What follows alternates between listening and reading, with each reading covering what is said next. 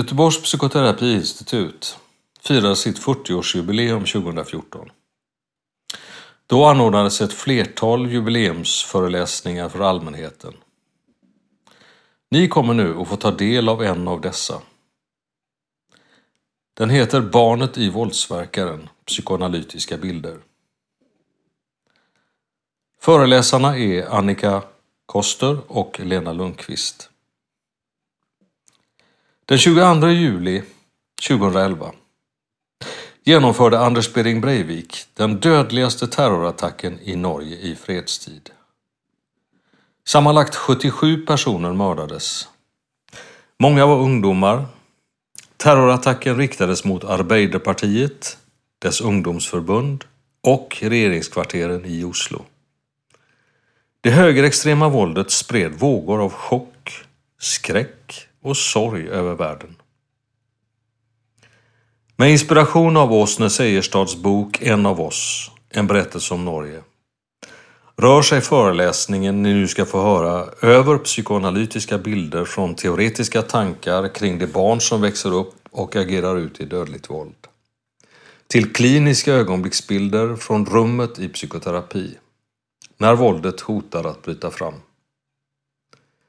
I föreläsningen finns korta texter från Åsne Seierstads En av oss, en berättelse om Norge, samt Lionel Shriver, Vi måste prata om Kevin.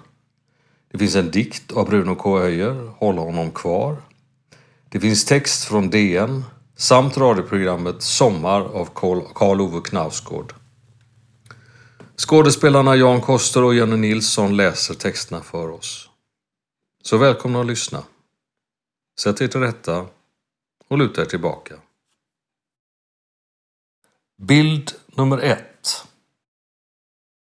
Från livets början strukturerar människan sin föreställningsvärld genom två olika perspektiv på verkligheten, så som Melanie Klein beskrev det.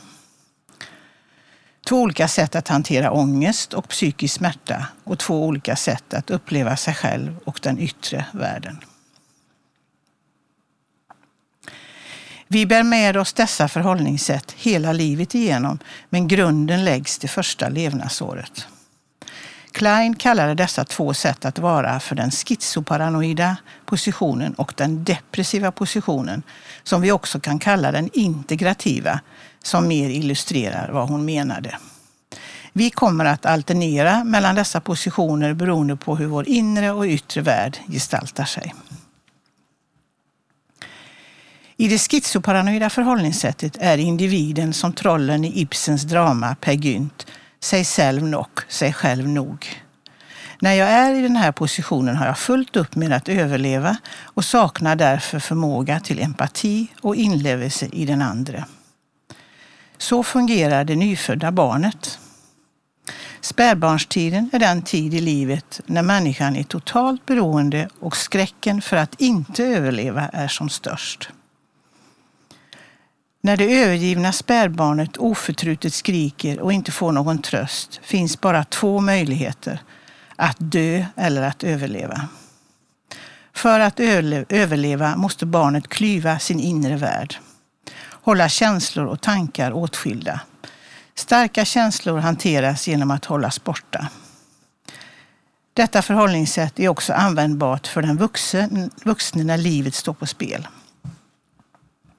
En överlevande efter Estonia-katastrofen berättar, citat, har fruktansvärt ont och fokuserar på att stå ut, att överleva. Är inte rädd längre. Konstaterar och resonerar kallt om riskerna. Ser andra döda runt omkring mig. Tänker att jag inte tycker det är konstigt med döda människor. Slutcitat. Den upplevda smärtan som barn finns kvar och som vuxen fortsätter du klyva känslor från tankar genom att förenkla verkligheten i svartvita tänkesätt. Kärlek eller hat, ont eller gott.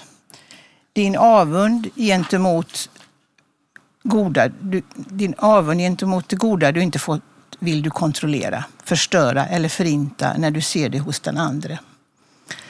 I denna position bor därför den mänskliga grymheten, men också förmågan att överleva kaos. I det andra förhållningssättet, i den depressiva eller integrativa positionen som blir möjlig först när barnet är runt sex månader, sker i normalutvecklingen en förskjutning från självtillräckligheten till ett begynnande intresse för den andre och därmed också en gryende förmåga till empati och omsorg. Här uppfattas inte längre världen som svart eller vit, ond eller god, utan en älskad person kan ses som både bra och dålig och ändå fortsätta vara älskad. Omgivningen, och så även jag själv, blir mer motsägelsefull och sammansatt. Relationer blir mer komplexa. När jag bryr mig om andra blir jag också rädd för att göra dem illa, att skada och förstöra. Samvetet styr mig i olika riktningar. I denna position bor sålunda den mänskliga omsorgen, men också skuldkänslan. Och vi behöver båda förhållningssätten för att överleva och utvecklas. Ludvig Igra säger i sin bok Den tunna hinnan, citat, vår upplevelse av världen och vår egen plats i den mejslas fram genom samspelet mellan de båda positionerna. Detta samspel gör oss till människor snarare än till helgon eller monster. Slutcitat. En tidsanda, ett kollektiv, ett politiskt styre kan vara mer eller mindre färgat av ett av dessa förhållningssätt till omvärlden. En amerikansk president som talar till sitt folk efter 11 september får illustrera den schizoparanoida positionen. Today our nation saw evil, the very worst of human nature.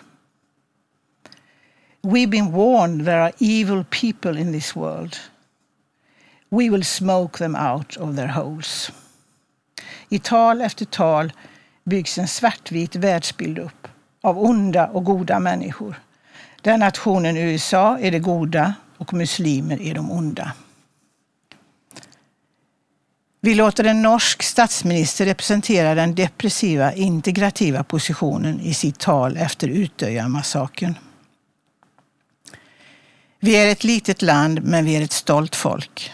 Vi är fortfarande skakade av det som drabbat oss, men vi ger aldrig upp våra värderingar. Vårt svar är mer demokrati, större öppenhet och mer humanitet, men aldrig naivitet. Ingen har sagt det vackrare än en AUF-flicka som blev intervjuad av CNN. Om en man kan visa så mycket hat, tänk vad mycket kärlek vi alla kan visa tillsammans. Ångesten och smärtan över alla förlorade liv kunde trots allt på något sätt härbärgeras. Hoppet om kärleken gick inte förlorat och på så vis kunde inte hatet svämma över och öppna upp för hämnd, enkla förklaringsgrunder och ytterligare våld och hat.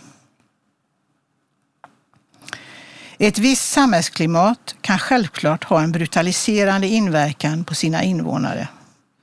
Förutsättningar skapas, liksom förutsättningar skapas när ett barn växer upp utan kärlek och omsorg. Men ändå, som medborgare har du alltid ett ansvar att motstå frestelsen att ge efter för din primitiva föreställningsvärld. I ett rum låg en kvinna med stora smärtor. Verkarna var våldsamma, barnet dröjde.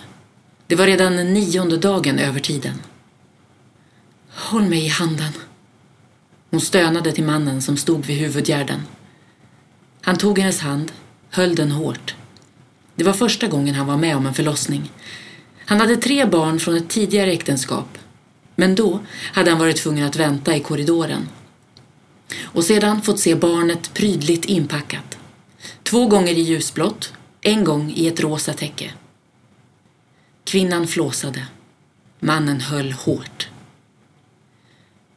De hade träffats ett och ett halvt år tidigare. I tvättstugan i källaren till ett hyreshus i Frogner. Hon hyrde en liten lya på bottenvåningen medan han ägde en större lägenhet på våningen ovanför. Han, nyskild diplomat vid utrikesdepartementet, placerad hemma efter två stationeringar i London och Teheran. Hon, sjukvårdsbiträde, ensamstående mor med fyraårig dotter. Han var 43 år Mager, tunnhårig. Hon var elva år yngre. Slank, söt och blond. Kort efter mötet i källaren blev hon med barn. De gifte sig vid norska ambassaden i Bonn där han skulle delta i en konferens. Han stannade en vecka. Hon knappt två dagar medan en väninna passade dottern i Oslo. Hon hade först känt glädje över graviditeten. Men efter en månad eller två hade hon övermannats av tvekan och ville inte längre ha barnet. Livet verkade osäkert och dystert. När de tre barnen från hans tidigare äktenskap var på besök verkade han kylig och distanserad. Det kändes fel att få ett barn till med en man som verkade tycka så lite om barn. Lagen om kvinnans rätt till abort hade antagits i Stortinget med en rösts övervikt samma månad som hon blev med barn. Den trädde inte i kraft förrän året efter. Lagen skulle ge kvinnan rätt till kostnadsfri abort fram till tolfte veckan utan att hon var tvungen att ställas inför en nämnd. Efter tolv veckor krävdes det särskilda skäl för att göra abort. Eftersom hon tvekade så länge blev det i alla fall för sent att skrapa bort fostret. Det fäste sig i livmodern. Tidigt blev hon illamående och kände obehag av det lilla livet som vecka för vecka fick nya sinnen och färdigheter, sög åt sig näring och växte. Hjärtat slog jämnt och kraftfullt. Huvudet, hjärnan, nerverna, allt utvecklades i normal takt. Det märktes inga avvikelser. Ingen klumpfot, inget extra nackveck, ingen vattenskalle. Det var tvärtom ett livligt barn. Friskt och sunt enligt läkaren. Plågsamt, tyckte modern. Det är som om han sparkar mig. Nästan medvetet för att plåga mig, sa hon. Pojken var blåaktig när han kom ut. Onormal, tänkte modern. Frisk och fin, tänkte fadern. Klockan var tio i två, mitt på dagen. Pojken gav genast ljud ifrån sig. En normal födsel enligt sjukhuset. En annons sattes in i Aftenposten. Aker sjukhus. En pojke. 13 december. Wenke och Jens Breivik.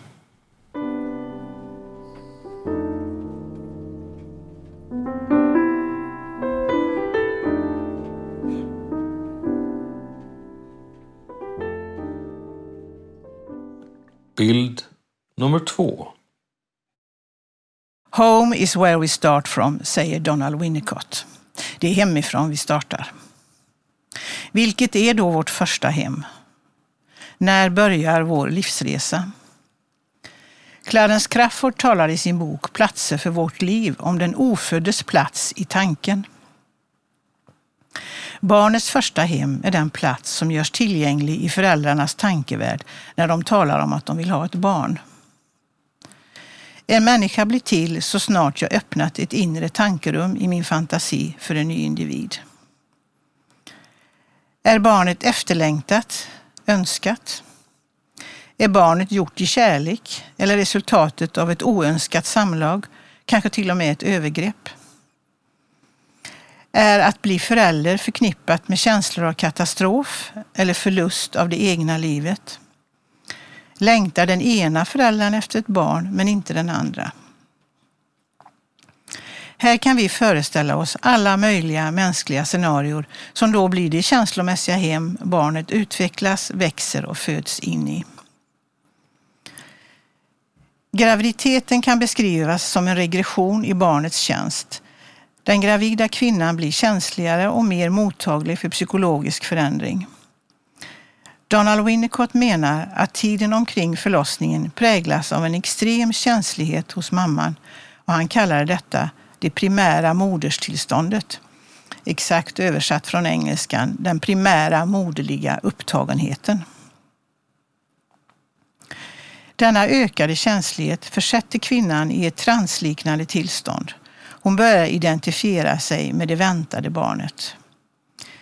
Winnicott menar att detta tillstånd, om det inte var förknippat med graviditet, skulle kunna jämföras med tillstånd av tillbakadragande och dissociation som är tecken på psykisk sjukdom.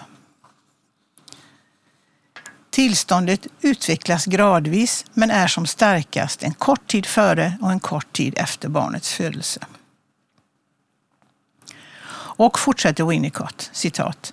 Det finns säkert många kvinnor som är goda mödrar i alla andra avseenden och som kan leva ett rikt och fruktbart liv men som inte har förmåga att uppnå denna normala sjukdom som gör det möjligt för dem att lyhört och inkännande anpassa sig till barnets behov under barnets allra första tid.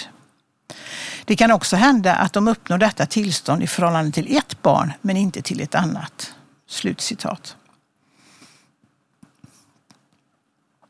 Anders Bering Breivik lär ha sagt i polisutredningen om sin uppväxt. Den som styrer krybben styrer världen. Den som styr vaggan styr världen. Sigmund Freud bidrog till den prenatala psykologin i det att han påstod att negativa känslor har en ofördelaktig inverkan på den fysiska hälsan. Det som vi idag kallar för psykosomatiska sjukdomar. Han menade att en känsla kunde ge upphov till smärta och till och med fysiska förändringar i kroppen. I den senare hjärnforskningen, ledd av bland andra Ellen Shore, påvisar man hur den stressade gravida kvinnans höga kortisolnivåer förs över till fostret och påverkar barnets förmåga att hantera stress redan innan födelsen. I idealtillståndet talar vi om en paradisisk plats i livmodern där allt du behöver kommer till dig genom navelsträngen. Utan att du behöver anstränga dig eller påkalla någons uppmärksamhet. Du lever genom en annan människa. Vår kropp, men inte vårt medvetande, minns denna första plats, detta första hem i livet. Och vi kan längta tillbaka, längta efter att smälta samman med någon annan som i förälskelsens symbios. Vi kan också vara rädda för att hamna där igen, rädda för att åter bli totalt beroende utan egen kontroll. Motsatserna finns inom oss, beroende och oberoende, närhet och distans. Hålla honom kvar av Bruno K. Öijer. Kakelugnen stod tyst och kall som en drottning i sin långa vita klänning och vaktade härskande över rummet med sitt enda mässingsöga. Hon såg allt som hände. Var tärningen rullat in under soffan? Att en av färgkritorna var bruten på mitten? Att portmonnän på bordet var mager och nästan tom? Hon såg och hörde allt rörde inte en min. Inte ens när nyårssnön eller döden kom på besök. Hon hörde den gamla väggtelefonen ringa bredvid spegeln ute i hallen. Hörde gråsparvarna krafsa mot fönsterblecket. Hon hörde det svarta ångloket dra sina godsvagnar runt rummet, rassla sig fram i kvällsmörkret med sina små märklinögon höjda över mattan och i drömmen var allt så enkelt och självklart. Jag hade utan att tänka efter ringt upp min barndom. Lyssnat till signalerna som gick fram och när min mamma svarade bad jag få tala med mig själv. Efter en lång paus kom en sjuårig pojke till luren och hans röst stack i mitt hjärta. Jag frågade hur allt var. Jag sa att jag ofta tänkte på honom, saknade honom. Men eh, jag måste ha avbrutit honom i leken. Han verkade både upptagen och ointresserad. Varje försök till samtal möttes av en otålig tystnad. Jag hörde honom stå och trampa mot korkmattan. Inget jag sa eller frågade om, inget jag försökte berätta eller förklara kunde hålla honom kvar.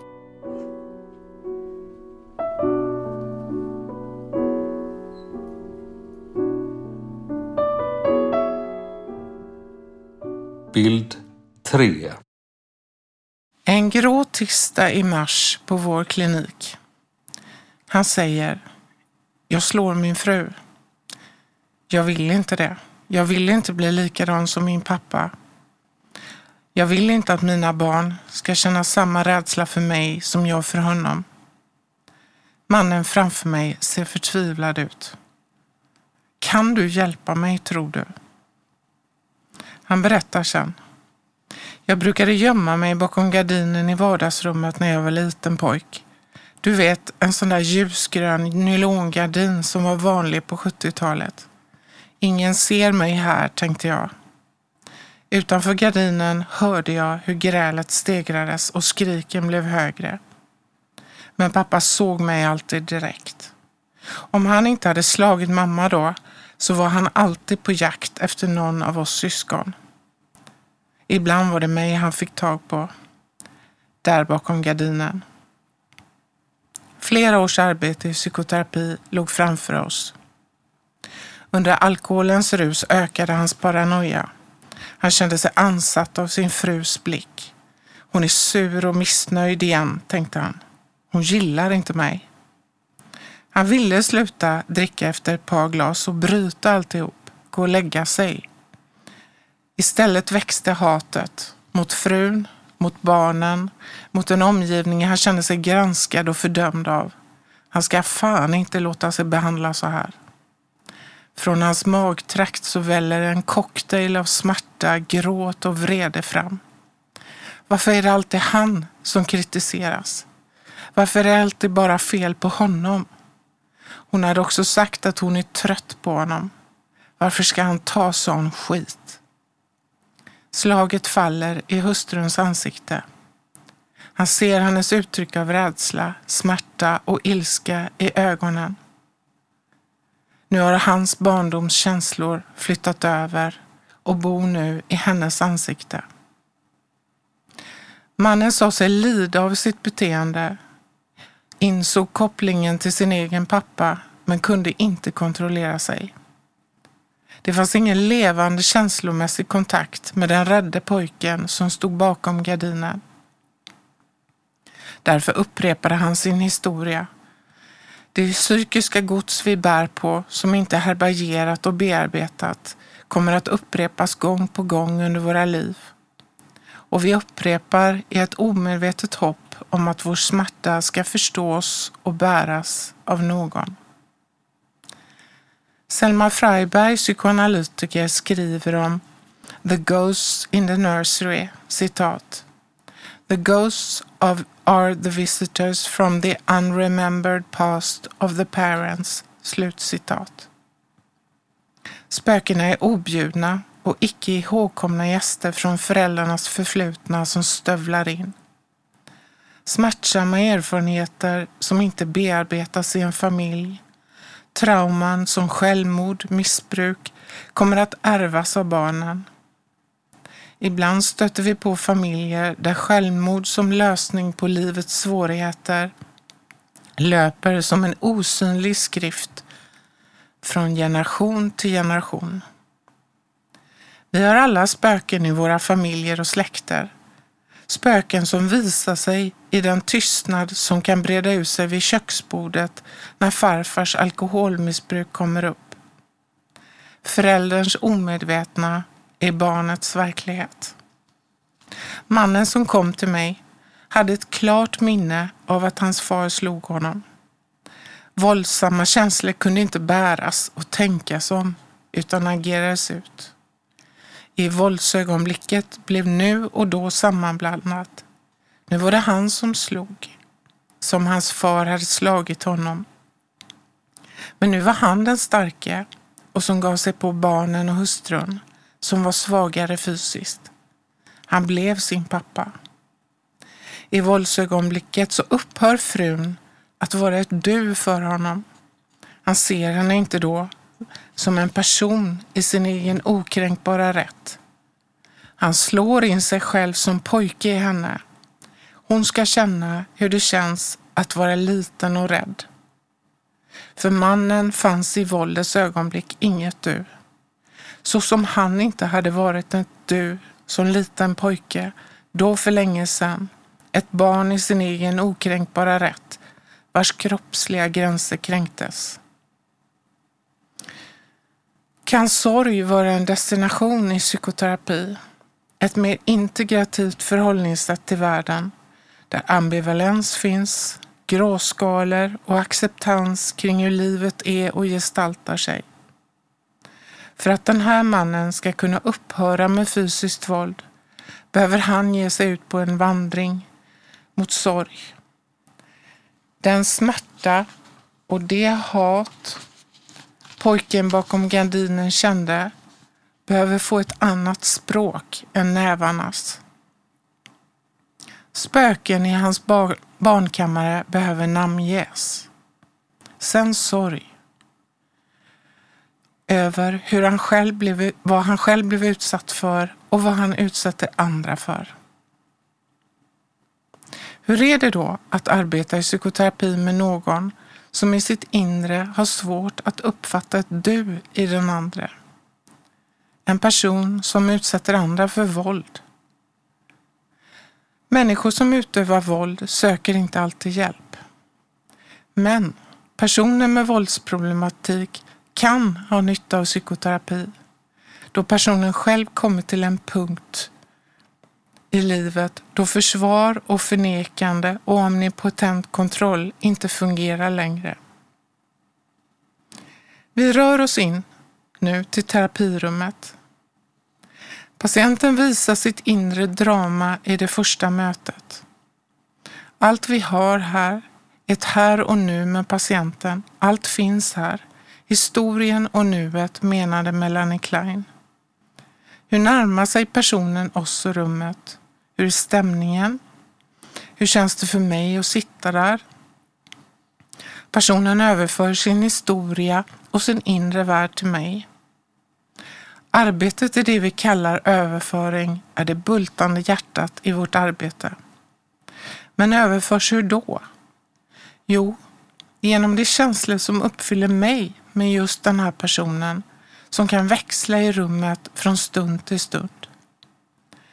Om min känsla växlar från antipati till medkänsla med tvära kast så är det en fingervisning om hur den inre världen är organiserad i en mera svartvit värld hos den person jag möter.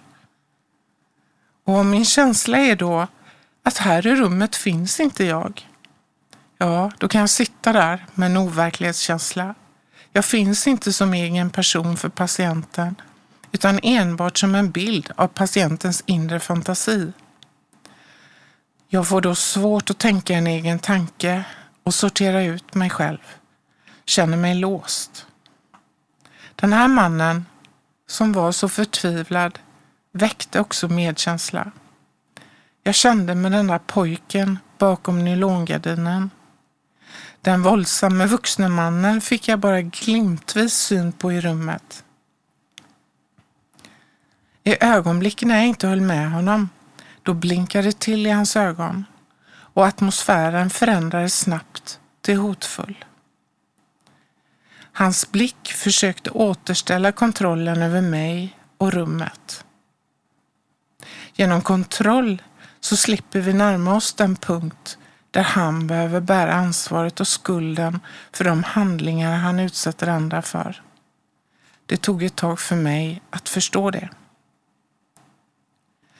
Om vi inte kan lita till världen, att andra kommer oss till hjälp, då behöver vi kontrollera den så att inget oförutsett ska skada mig.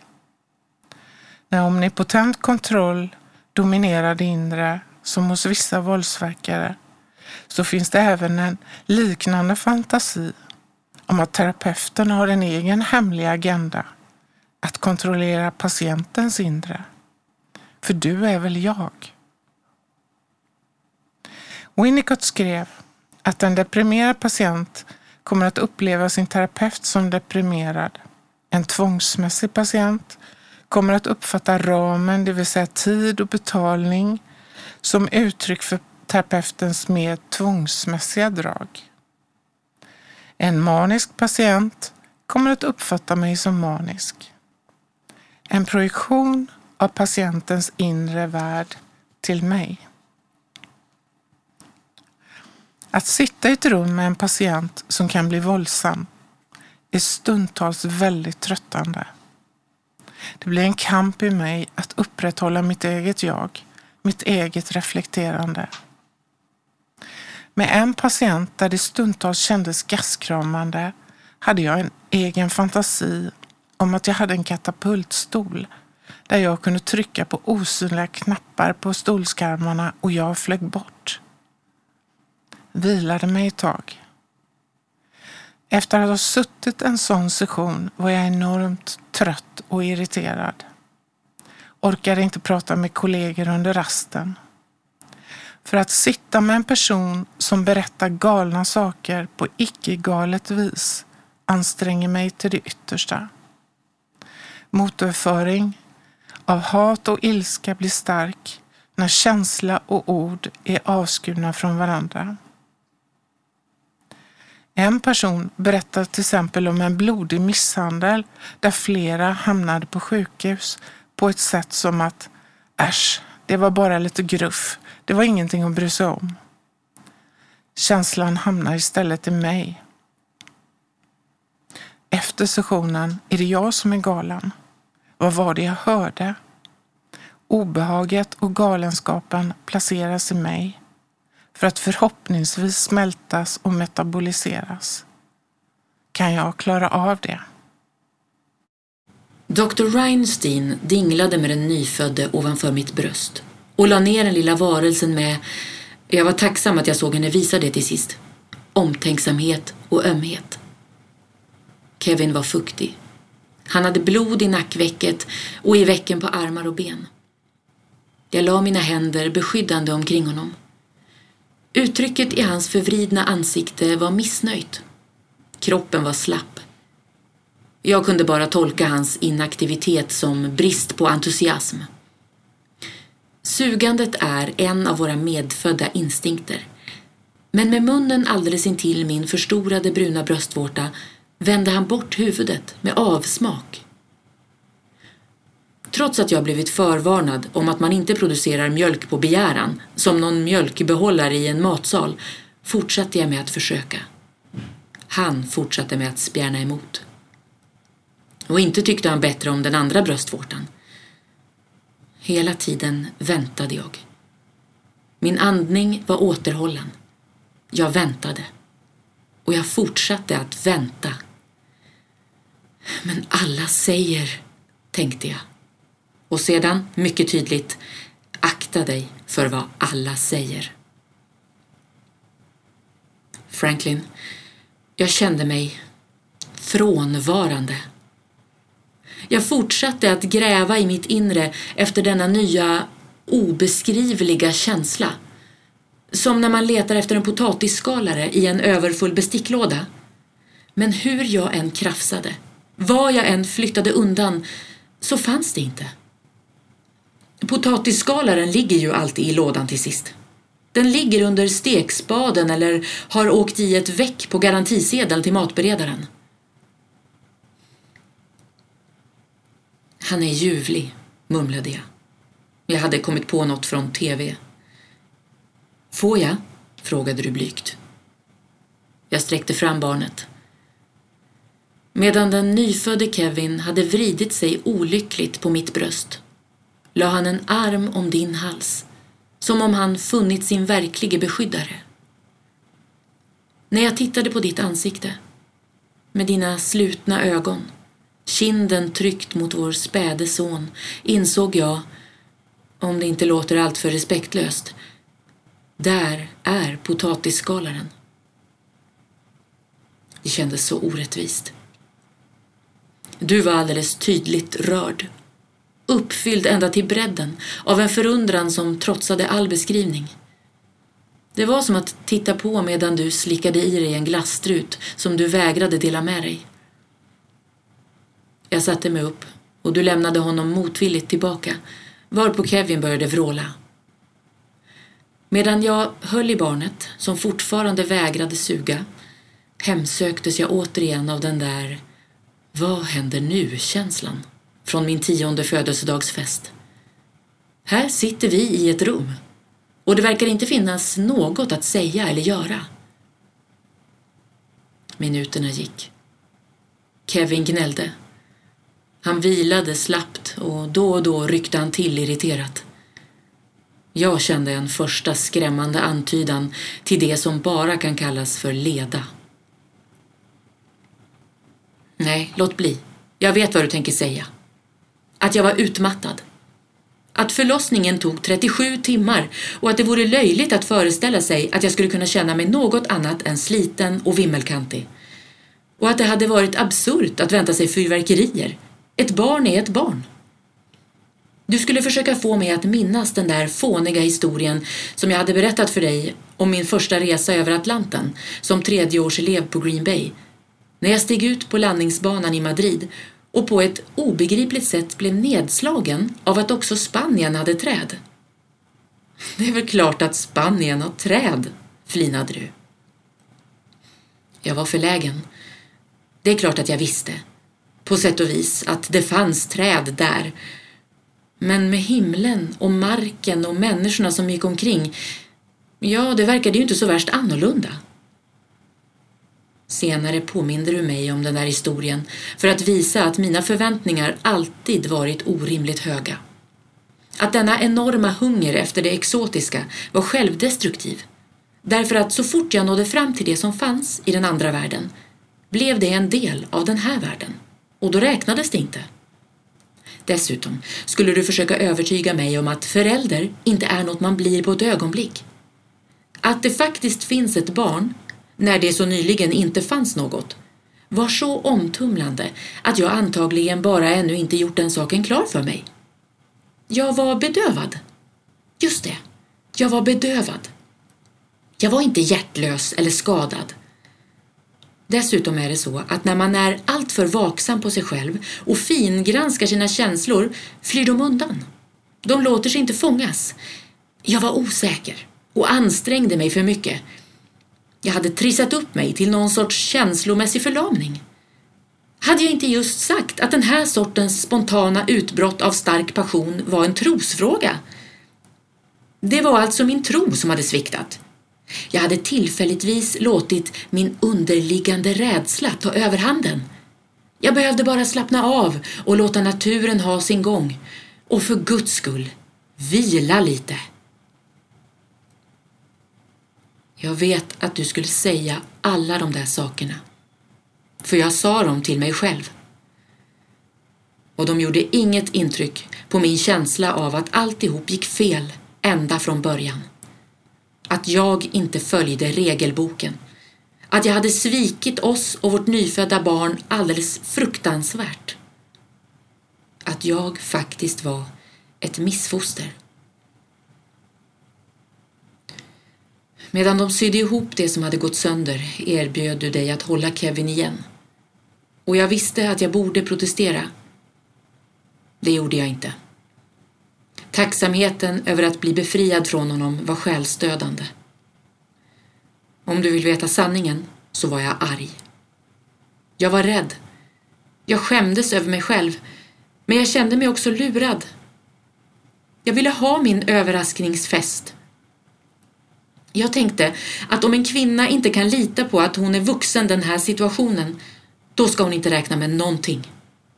Från och med nu var världen i uppror. Besegrad och med särade ben avlade jag ett löfte.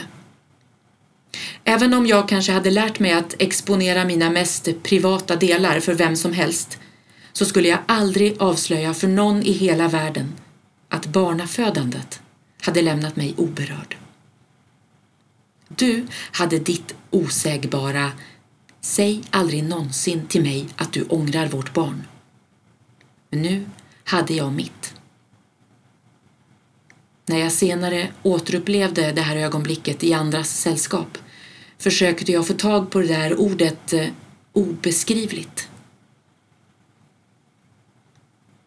Brian var en utmärkt pappa. Jag lånade hans ömhet för en dag.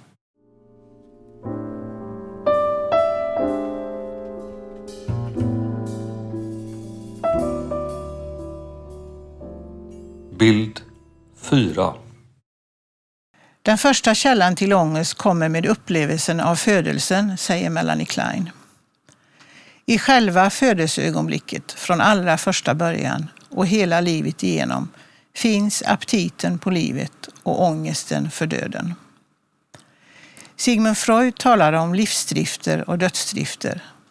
Från livets början kämpar människan med att hitta en balans mellan kärlek och hat, ljus och mörker och mellan konstruktiva och destruktiva sidor i sin personlighet. Ludvig Igra talar om en tunn förtätad hinna inne i själslivets mitt. En tunn hinna mellan omsorg och grymhet. Citat. Den som ena stunden framstår som det godas företrädare kan förvandlas till destruktivitetens hantlangare. Båda möjligheterna finns inom en och samma person. Slutcitat. Det nyfödda barnet kan inte insupa världen på något annat sätt än genom sina kroppsliga förnimmelser. Det första jaget är ett kroppsjag, sa Sigmund Freud. I psykoanalytiskt tänkande menar man att karaktären byggs upp genom en oavlåtlig pendelrörelse mellan introjektion och projektion. Så skapas min personlighet. Och i början av livet är detta en ren fysiologisk process. Det nyfödda barnet relaterar till världen genom sina kroppsöppningar. Barnet äter och bajsar. Barnet introducerar och projicerar, tar in och stöter ut. Att detta är centralt hos oss, men högst omedvetet, kan vi se i alla de vardagsuttryck och talesätt där vi använder mat och bajsmetaforer för att uttrycka känslor. Jag hade svårt att smälta det hon sa till mig. Den nya organisationsplanen är skit, men det är väl bara att tugga i sig. Något vänder sig i magen, något sätter sig i halsen, något annat är för magstarkt. Och ibland kan man koka över och då osar det hett. Man kan också bli grillad. Du är så god så jag vill äta upp dig.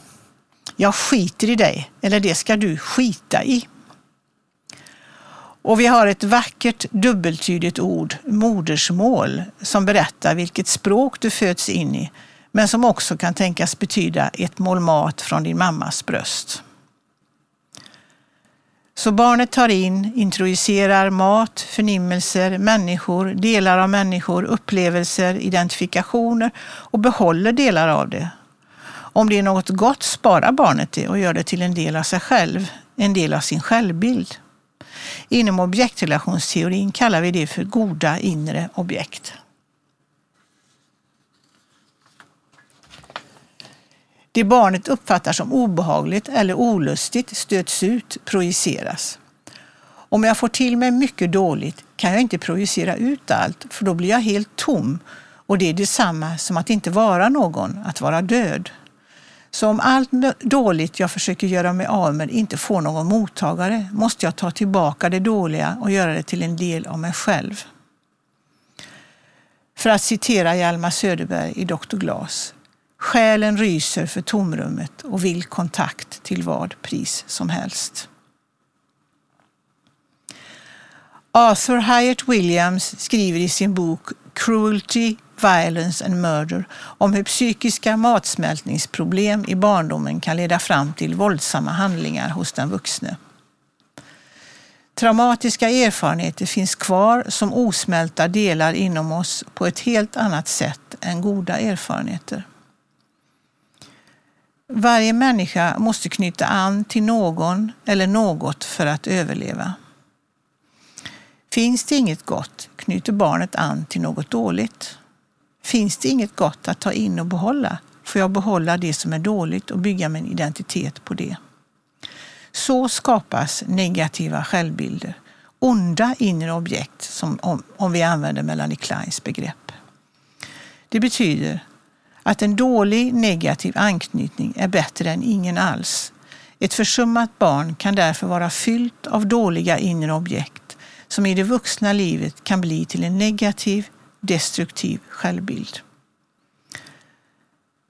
Ett självhat kan i sin ytterlighet leda fram till mordet på självet, till ett självmord, eller projiceras ut i yttre våld och bli till mordet på den andre. Hyatt Williams hävdar att många mördare före sin mordiska period varit självmordsbenägna. Självhatet, destruktionen, kan gå åt två håll. Inåt eller utåt. Kan vi till och med tänka att hatet riktas både inåt och utåt i samma händelse? Kan vi tänka om Orlando-mördaren att han tog död på alla homosexuella och på sig själv som homosexuell på en och samma gång? Kan vi tänka att den tyske piloten som flög 149 personer in i en bergvägg på en och samma gång riktade hatet både mot sig själv och mot andra? Rosella Valdre säger i sin artikel om filmen Vi måste prata om Kevin att det finns en form av psykiskt liv som pågår mellan generationer, ibland över flera generationer. Ett fenomen som kan beskrivas som en enträgenhet, ett starkt omedvetet behov av att överföra, projicera till sitt barn något som inte går att arbeta med inom sig. Något negativt, svårsmält, ofta ett trauma som ligger inkapslat och orörligt inom föräldern. Samma fenomen som kan benämnas the ghosts in the nursery som Annika pratade om. De barn som fått detta överfört på sig kommer att få större svårigheter att utveckla sitt eget jag. Stora delar av barnets energi kommer att gå åt till att hantera det ärvda bagaget och det kommer att försvåra barnets normala utveckling. Vi ser sådana traumata i många våldsverkares föräldrahistoria. Varje människa är sålunda i sin karaktär, i sin personlighet, en komplicerad väv av egna och andras introjektioner och projektioner. Varje människa är därför högst unik. Förhöret pågick på femte våningen i polishuset. Det är ruttet att ta livet av människor, sa Breivik snabbt. Men det är mer ruttet att inte handla. När Arbeiderpartiet har svikit sitt land och sitt folk så som de har gjort, så totalt under många år, då finns det ett pris på förräderiet. Och det priset betalade de igår. Vi vet att var, före varje val så torpederar man Fremskrittspartiet. Medierna avhumaniserar de konservativa. En kontinuerlig misshandel av de kulturkonservativa. Knights Templar bestod av extremt begåvade individer, väldigt intelligenta, väldigt potenta, förklarar han. De som hade encellskommandon är extremt starka. Enda problemet med encellsstrukturen var begränsningarna i varje enskilds arbetskapacitet. Om en person ska processa fem ton gödsel, eller hur? Så är det ett sånt hårt arbete så du fattar inte. Så bad han om en paus för att få på toaletten. Sedan nämnde han sin mor. Hennes liv är över, sa han. För om medierna kallar mig monster kommer hennes grannar också att göra det och då kan inte hon längre leva. Men den här uppgiften är mycket viktigare än jag, mycket viktigare än hon. Det hade blivit sent på kvällen. Han vände sig mot Lippestad och sa Du behöver inte höra på om du vill. Om du vill eh, gå hem liksom. Jag stannar tills förhöret är slut, sa advokaten. Frågan om varför stod kvar. Om du har den smärtan i hjärtat, då vet du att för att stoppa smärta måste man vålla smärta. Men jag tycker att det var alldeles hemskt. Om jag hade kunnat hade jag valt bort Utöja, för det blir för dirty liksom. Även om det är extremt effektivt. Hon såg på förhöraren. Det är en mardröm, så om jag inte tror att du har förstått förrän du har utfört det. Och det hoppas jag att du slipper uppleva. För det är ett helvete att ta ett annat liv. De var ju så rädda och skrek och skrek, höll jag på att säga. Det är möjligt att de bad för sina liv, det minns jag inte. Kanske sa de snälla, skjut inte. De bara satt där, gjorde ingenting. De var paralyserade och då avrättade jag dem, en efter en. Han sträckte på sig. Egentligen har jag det väldigt bra. Jag har aldrig varit starkare mentalt än nu. Jag hade förberett mig på tortyr och sånt och är positivt överraskad att jag inte har utsatts för det. Jag har inga negativa tankar nu, bara positiva. Sen gäspade han. Men hörni, nu är jag uttröttad.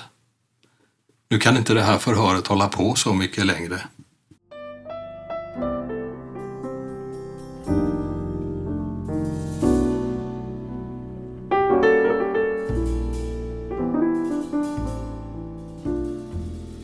Bild 5 Om du har den smärtan i hjärtat, då vet du att för att stoppa smärta måste man vålla smärta, säger Anders Behring Breivik i förhöret. Här berättar han om sitt liv och de inre skälen till att döda. Alla våldsverkare är rädda för att bli slagna. Alla mördare är rädda för att bli mördade. Och alla som utsläcker andras liv har en egen död inom sig. Anders Behring Breivik har dödat sig själv inuti fast han lever. Kontakten har brutits med det barn som en gång var han och som psykiskt stängde av för att överleva. Det han beskriver under rättegången som en lång mental träning för att kunna döda är egentligen något som redan tidigt har ägt rum inom honom som barn. Som vuxen förflyttar han hotet från en förälder som har varit hotfull mot honom i sin oberäknelighet till kulturmarxisterna och socialdemokraterna som han tänker hotar Norges nation. En från början rättmätig vrede och smärta. All skit inom honom som aldrig härbärgerats av någon kommer symboliskt att inneslutas i den bomb innehållande gödsel och skit. Hans hat, hans skit ska spridas över regeringskvarteren så att mesta möjliga skada på människor uppnås. En megaloman sadism med en högerextrem överrock. En liten pojke som var tio år befann sig på Utöja med sin pappa Trond Berntsen. Pappan var den första som Anders Behring Breivik sköt. När Anders Behring kom ner till stranden för att skjuta, då skrek pojken till mördaren i sitt ursinne och skräck. Du har ingen rätt att döda mig. Jag är bara tio år. Du dödar min pappa. För ett ögonblick stannade mördaren upp, vände sig sen och gick därifrån. Vi vet inte, men kan fundera. I det ögonblicket såg Bering Breivik sig själv i pojken såg han för ett ögonblick sin egen ilska, smärta och faderslängtan. Såg han det barn han mördat inom sig själv. Innan mördaren gick sa han till pojken, allt kommer att bli bra. Det blev det inte. På samma sätt som vi tänker att en person som söker terapi visar sitt inre drama i överföringen i det första mötet kan vi tänka oss att gärningspersoner visar sitt inre drama i det sätt de medvetet omedvetet väljer att utföra dådet. Om vi tänker oss att det finns en bisarr logik i varje gärning, vad ser vi då i Anders Behring Breiviks massaker på Utöja? En man, utklädd till polis, utger sig för att vara på ön för att beskydda. Ungdomarna på ön med tillit till vuxenvärlden kommer att uppfatta en polis på ön som en trygghet. Men varför skjuter polisen? Ansiktet byter skepnad, tillit byts ut mot skräck. Ungdomarnas tillit ska brista på samma sätt som Bering Breiviks tillit till omgivningen brast då, en gång för länge sedan. En vuxen, en polis, en förälder ska visa sig vara någon annan än man tror. Den vanmäktige och skräckslagna pojken Anders placeras nu i ungdomarna. Han gör sig själv till en allsmäktig gestalt. Nu är det han som med sitt vapen bestämmer vem som ska leva och dö. Anders Behring Breivik hämnas i sin paranoida värld på alla unga levande som har en tro på framtiden och ett demokratiskt system med dialog som grund. Mördaren sa till en bekant två veckor innan dådet. Min pappa kommer att bli stolt över mig. Så blev det inte. De två unga männen, Eric Harris och Dylan Klebold, som dödade tolv elever och en lärare på Columbine High School i staden Littleton 1999, begick sedan självmord i skolans bibliotek.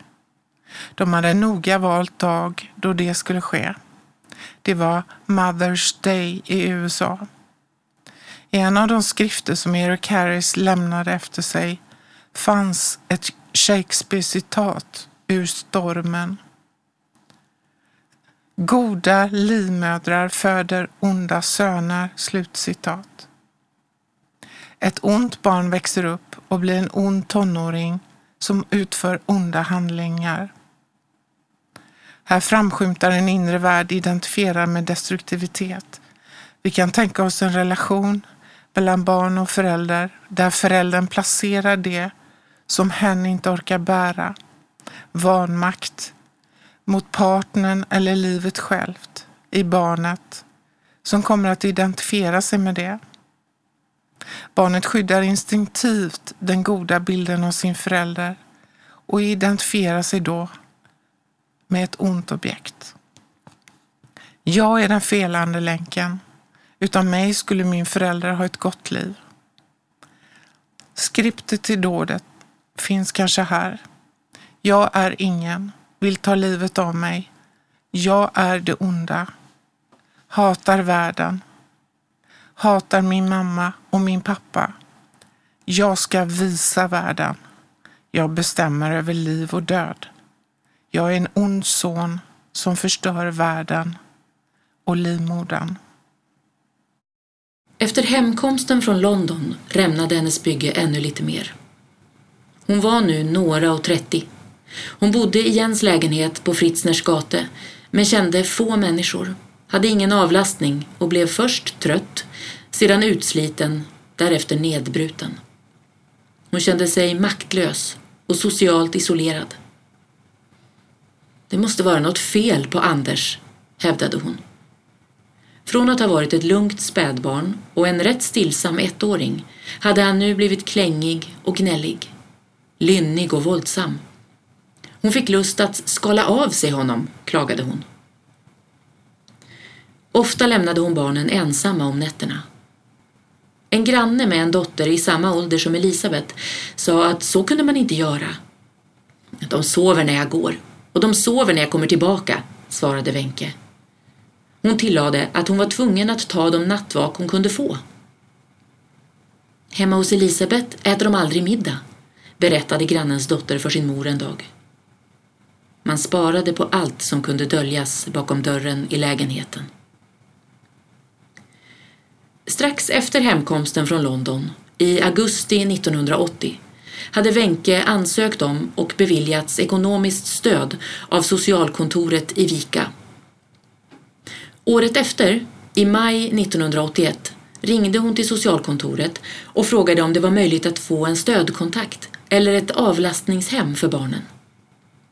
I juli ansökte hon om weekendhem för båda barnen. Till socialkontoret sa hon att hon tänkte att en manlig stödkontakt för dottern vore bra. Hon såg framför sig en yngre manlig student, antecknades det. Men det var Anders hon först och främst behövde avlastning för, uppgav hon samtidigt. Hon klarade inte av honom längre, sa hon till socialkontoret. Vid den tiden hade Anders fyllt två år, Elisabet åtta. Dottern gick i sin mors fotspår och hade blivit reservmamma för Anders och för sin mor. Hennes ansökan om ett weekendhem för Anders, två helger i månaden, beviljades i oktober 1981. När Wenke kom med Anders första gången tyckte de hon var lite konstig. När hon kom andra gången tänkte de att hon var galen. Då bad hon att Anders skulle få ta på weekendpappans penis ibland. Det var viktigt för pojkens sexualitet, Han hade ingen fadersgestalt i livet och Wenke ville att den unge mannen skulle inta den rollen. Anders hade ingen att identifiera sig med rent utseendemässigt, betonade Wenke, för han såg bara flickpittar och visste inte hur en manskropp fungerade. Det unga paret stod mållösa. De var för generade för att rapportera vidare om moderns uttalanden. De lät det vara. De tog med sig Anders på vandringar i skog och mark och till stadens parker och gärden. Han trivdes hos dem och de tyckte han var en fin liten kille. En helg kom inte Wenke med sonen till weekendföräldrarna. Hemmet passade inte Anders, tyckte hon nu. Modern är besvärlig att göra till lags. Kräver mer och mer hela tiden, antecknade socialkontoret i maj 1982. Hon ansökte nu om ett nytt hem för sonen. Dottern, nio år, har börjat kissa på sig, skrev socialkontoret. Månaden innan hade Wenke sökt upp barnavårdsnämndens fosterhemsavdelning. Hon ville undersöka möjligheten att placera båda barnen i fosterhem.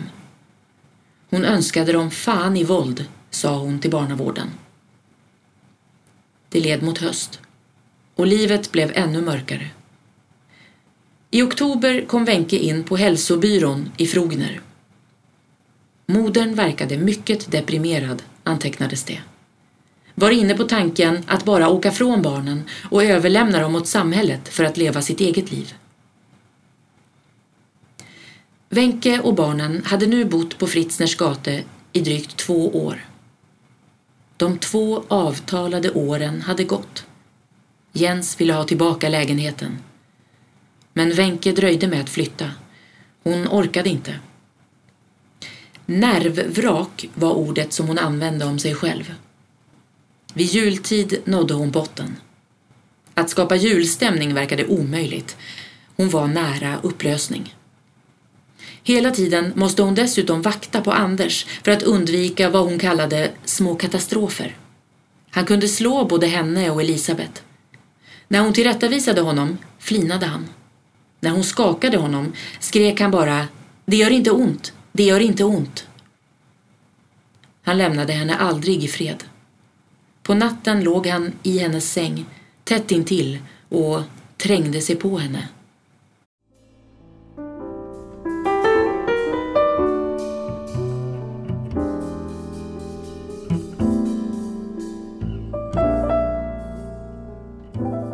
Bild nummer 6.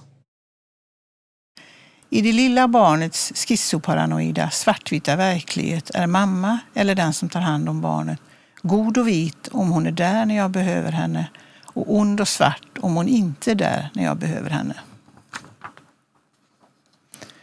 There is no such thing as a mother and a baby, säger Winnicott. Hos spädbarnet finns ingen tydlig jag-upplevelse. Mamma är jag, jag är mamma, vi är ett. Så när barnet inte kommer när jag behöver henne, så när mamma inte kommer när jag behöver henne så är inte bara mamma ond och dålig utan även jag är ond och dålig. Wilfred Björn använder begreppet containing för att beskriva moderns förmåga att härbärgera barnets starka känslor tidigt i livet. Vi talar om att barnet introjicerar och projicerar. Vart tar alla barnets projektioner vägen? Vart tar allt i vägen som barnet inte orkar ha inom sig? Barnet förväntar sig att mamma ska identifiera sig med dess projektioner, både de kärleksfulla och de hatiska. Barnet förväntar sig att mamma är en container för alla projektioner barnet gör sig av med.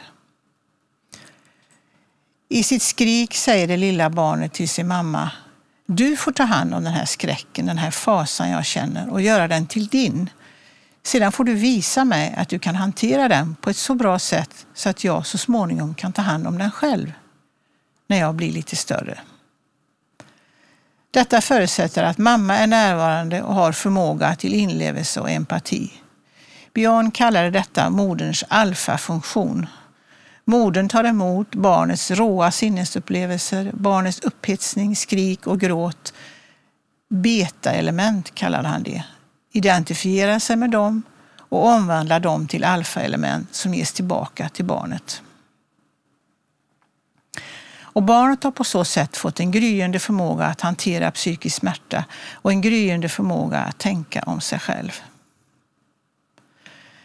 Denna kommunikation mellan mor och barn kallade Björn kommunikativ projektiv identifikation. Det är en sund och utvecklande kommunikation mellan barn och förälder och den äger rum på ett omedvetet och självklart sätt utan att föräldern tänker om det. Om mamman däremot inte kan identifiera sig med barnet därför att hon är deprimerad och eller av olika skäl är fullt upptagen med att överleva själv kan hon inte ta emot barnets projektioner. Hon saknar alfafunktion och kan inte bli den container som barnet behöver. Barnet får tillbaka sina projektioner och blir ensam med all sin fasa och skräck. Kanske också uppfylld av mammas fasor, mammas projektioner.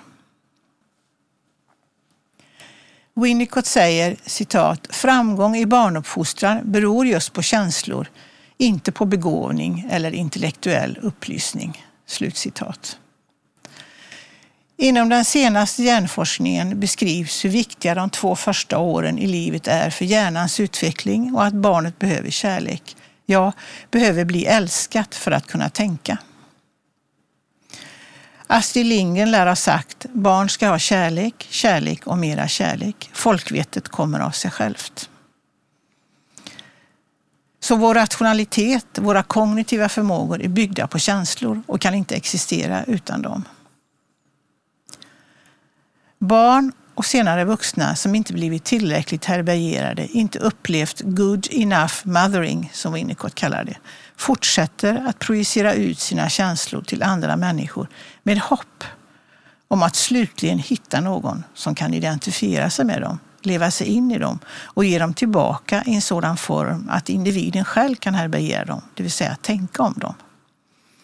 Denna form av kommunikation hos den vuxne kallar vi projektiv identifikation och den är starkt närvarande hos våldsverkare och i trasiga relationer. Det är fortfarande en omedveten kommunikation, men hos den vuxne är den inte alltid sund och utvecklande. Du tillskriver helt enkelt den andra dina egna känslor. Du försöker befria dig själv från psykisk smärta genom att plåga någon annan. De anställda fann en fyraåring utan livsglädje. Helt annorlunda än det barn som modern hade beskrivit. Påfallande bristande förmåga att leva sig in i lek. Saknar glädje vid hanteringen av leksaker. När andra barn leker fungerar han vid sidan av. Han är helt obekant med som omlekar. Han är försiktig med leksakerna. Anders saknar spontanitet, aktivitetslust, fantasi och förmåga till inlevelse. Han har inte heller några humörsvängningar, vilket de flesta har i hans ålder. Han saknar språk för att uttrycka känslor, skrev barnpsykiatern som hade bedömt honom. När man lekte affär var det kassaapparatens funktion som var intressant, inte leken runt den. Anders kräver påfallande liten uppmärksamhet. Han är försiktig, kontrollerad, tjatar sällan, är extremt ordentlig och renlig och blir osäker utan detta. Han tar inte själv kontakt med andra barn. Han deltar mekaniskt i aktiviteter utan att visa särskild glädje eller lust. Ser ofta ledsen ut. När det väl kommer en reaktion är den påfallande stark, fortsatte rapporten. Mest rastlöst aktiv blev han när någon sökte kontakt, vuxna eller andra barn. Det var liksom ett mekaniskt försvarsverk som han reste, som sa ”Stör mig inte, jag är upptagen” när någon ville honom något. Anders visade ändå snabb förmåga att anpassa sig. Efter ett par dagar sa han att det var fint att komma till centrets förskola och dumt att gå därifrån. Han började visa glädje. De sakkunnigas slutsats var att det inte fanns några psykologiska skador hos barnet. Alltså skador som inte kunde avhjälpas om han kom i en ny och bra omsorgssituation. Han hade stora resurser. Det var förhållandena hemma som var svåra. Anders har blivit syndabock för moderns frustration, blev slutsatsen. Moderns uppträdande gentemot Anders kunde växla snabbt. Snäll och god i ena ögonblicket för att sedan kasta om helt och skrika aggressivt åt honom i nästa. Avvisandet kunde bli brutalt. Personalen hade hört henne ropa högt till sonen Jag önskar du vore död. Slutsatsen blev att Anders bör komma bort från familjen och över i en bättre omsorgssituation. Modern anlitade då den advokat på nytt som hade hjälpt henne med bodelning och skilsmässan och han skrev till barnavården att avlastning i form av fosterhem för Anders är en lösning som min klient finner förkastlig. För övrigt har hennes behov av avlastning fallit bort för länge sedan. Därmed backade Statens barn- och ungdomspsykiatriska center.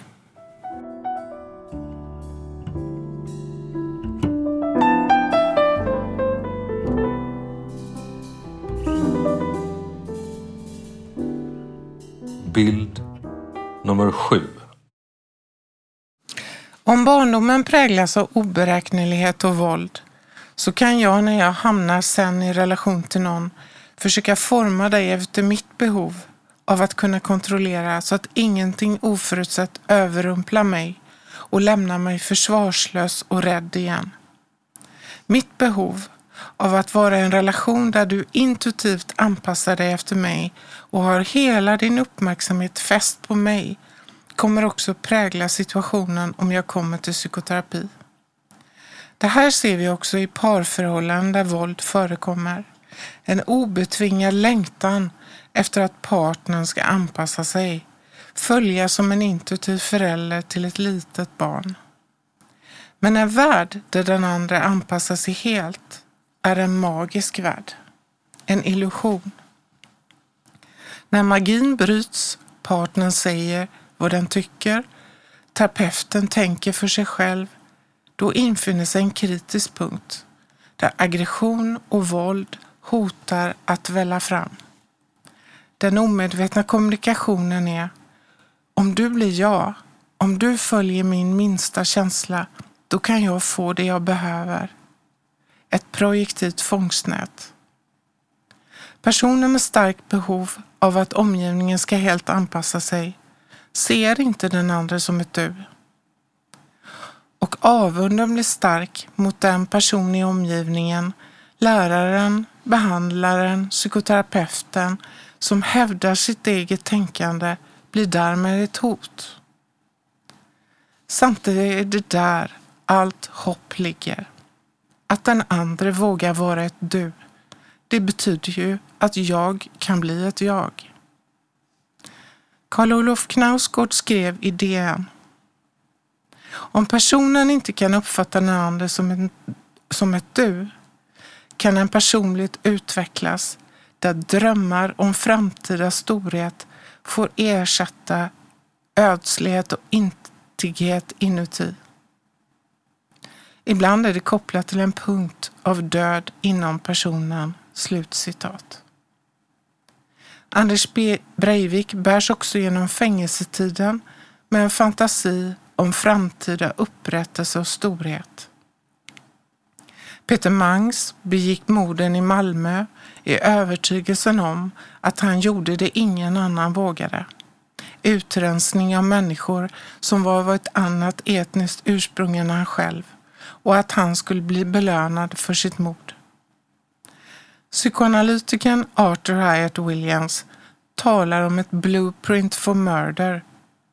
En punkt inom personen, en dödskonstellation. En liv och död kamp inuti personen som kan resultera i självmord eller mord. Här finns risken att personen dödar för att andra ska få känna hur det är att vara död. En primitiv avund mot det levande som ungdomarna på ön Utöja. Du ska få känna dig lika död fysiskt som jag gör mentalt. Men för att kunna döda dig måste jag också avhumanisera dig. Mohammed Atta, en av al-Qaida-terroristerna som flög ett av planen in i skyskraporna den 11 september 2001 efterlämnade brev med instruktioner för hur förberedelsen dagen före attentaten skulle ske. Han uppmanar alla där att rena sig, att lukta gott inför mötet med Gud. En annan av punkterna lyder som han skriver citat. One of you must sharpen his knife and you must not discomfort your animal during slaughter. De tilltänkta offren förvandlas till djur som är nödvändiga att föra till slakt. En dödlig form av projektiv identifikation. Vi vänder tillbaka till det kliniska arbetet i rummet. Vad vi vill förmedla är att projektiv identifikation är det omedvetna språk som dominerar det terapeutiska arbetet med en person som utövar våld mot andra. Utan ord placeras en del av patienten i mig som terapeut. Ibland de delar som är outhärdliga, omöjliga att smälta för personen själv. Men även den empati och kärlek som personen inte har levande i sig, där kontakten är bruten. Jag identifierar mig med det jag fått i mig, känner mig grym, dum, rädd och svag. Blir och känner mig bitvis som patienten. Hens hopp står till att jag så småningom med hjälp av handledning och eget sorteringsarbete förmår se vad jag bär. Då kan jag också se ett du i patienten. Vad fyller projektiv identifikation för funktion? Jo, många gånger kan personen närma sig sitt förakt, sin grymhet, sin omtanke genom att först ha brottats med det som egenskaper hos behandlaren eller psykoterapeuten. Att lära känna sig själv genom ombud. Den här rörelsen av projektiv identifikation är central för människoblivandet. Att någon har burit mina skrik, min gråt och min glädje är en förutsättning för att jag ska kunna bära mitt eget liv. Om mina tidiga projektiva rörelser inte tagits emot resulterar det i en oförmåga att bära och smälta psykisk smärta. Sverker Berlin skriver i tidskriften Psykoterapi, citat. När den inre världen blir präglad av erfarenheter av omsorgssvikt och utsatthet finns den atmosfären ständigt närvarande i livet. Onda erfarenheter får ett djupt fäste, lagras mer vitalt och osmält än goda av evolutionära skäl. Goda tidiga erfarenheter bildar en inre stödjande korsett för jaget. Dåliga erfarenheter blir inre angripare. Slutcitat. Den projektiva sammanblandningen mellan terapeut och patient kommer att behöva tänkas om, om gång efter annan.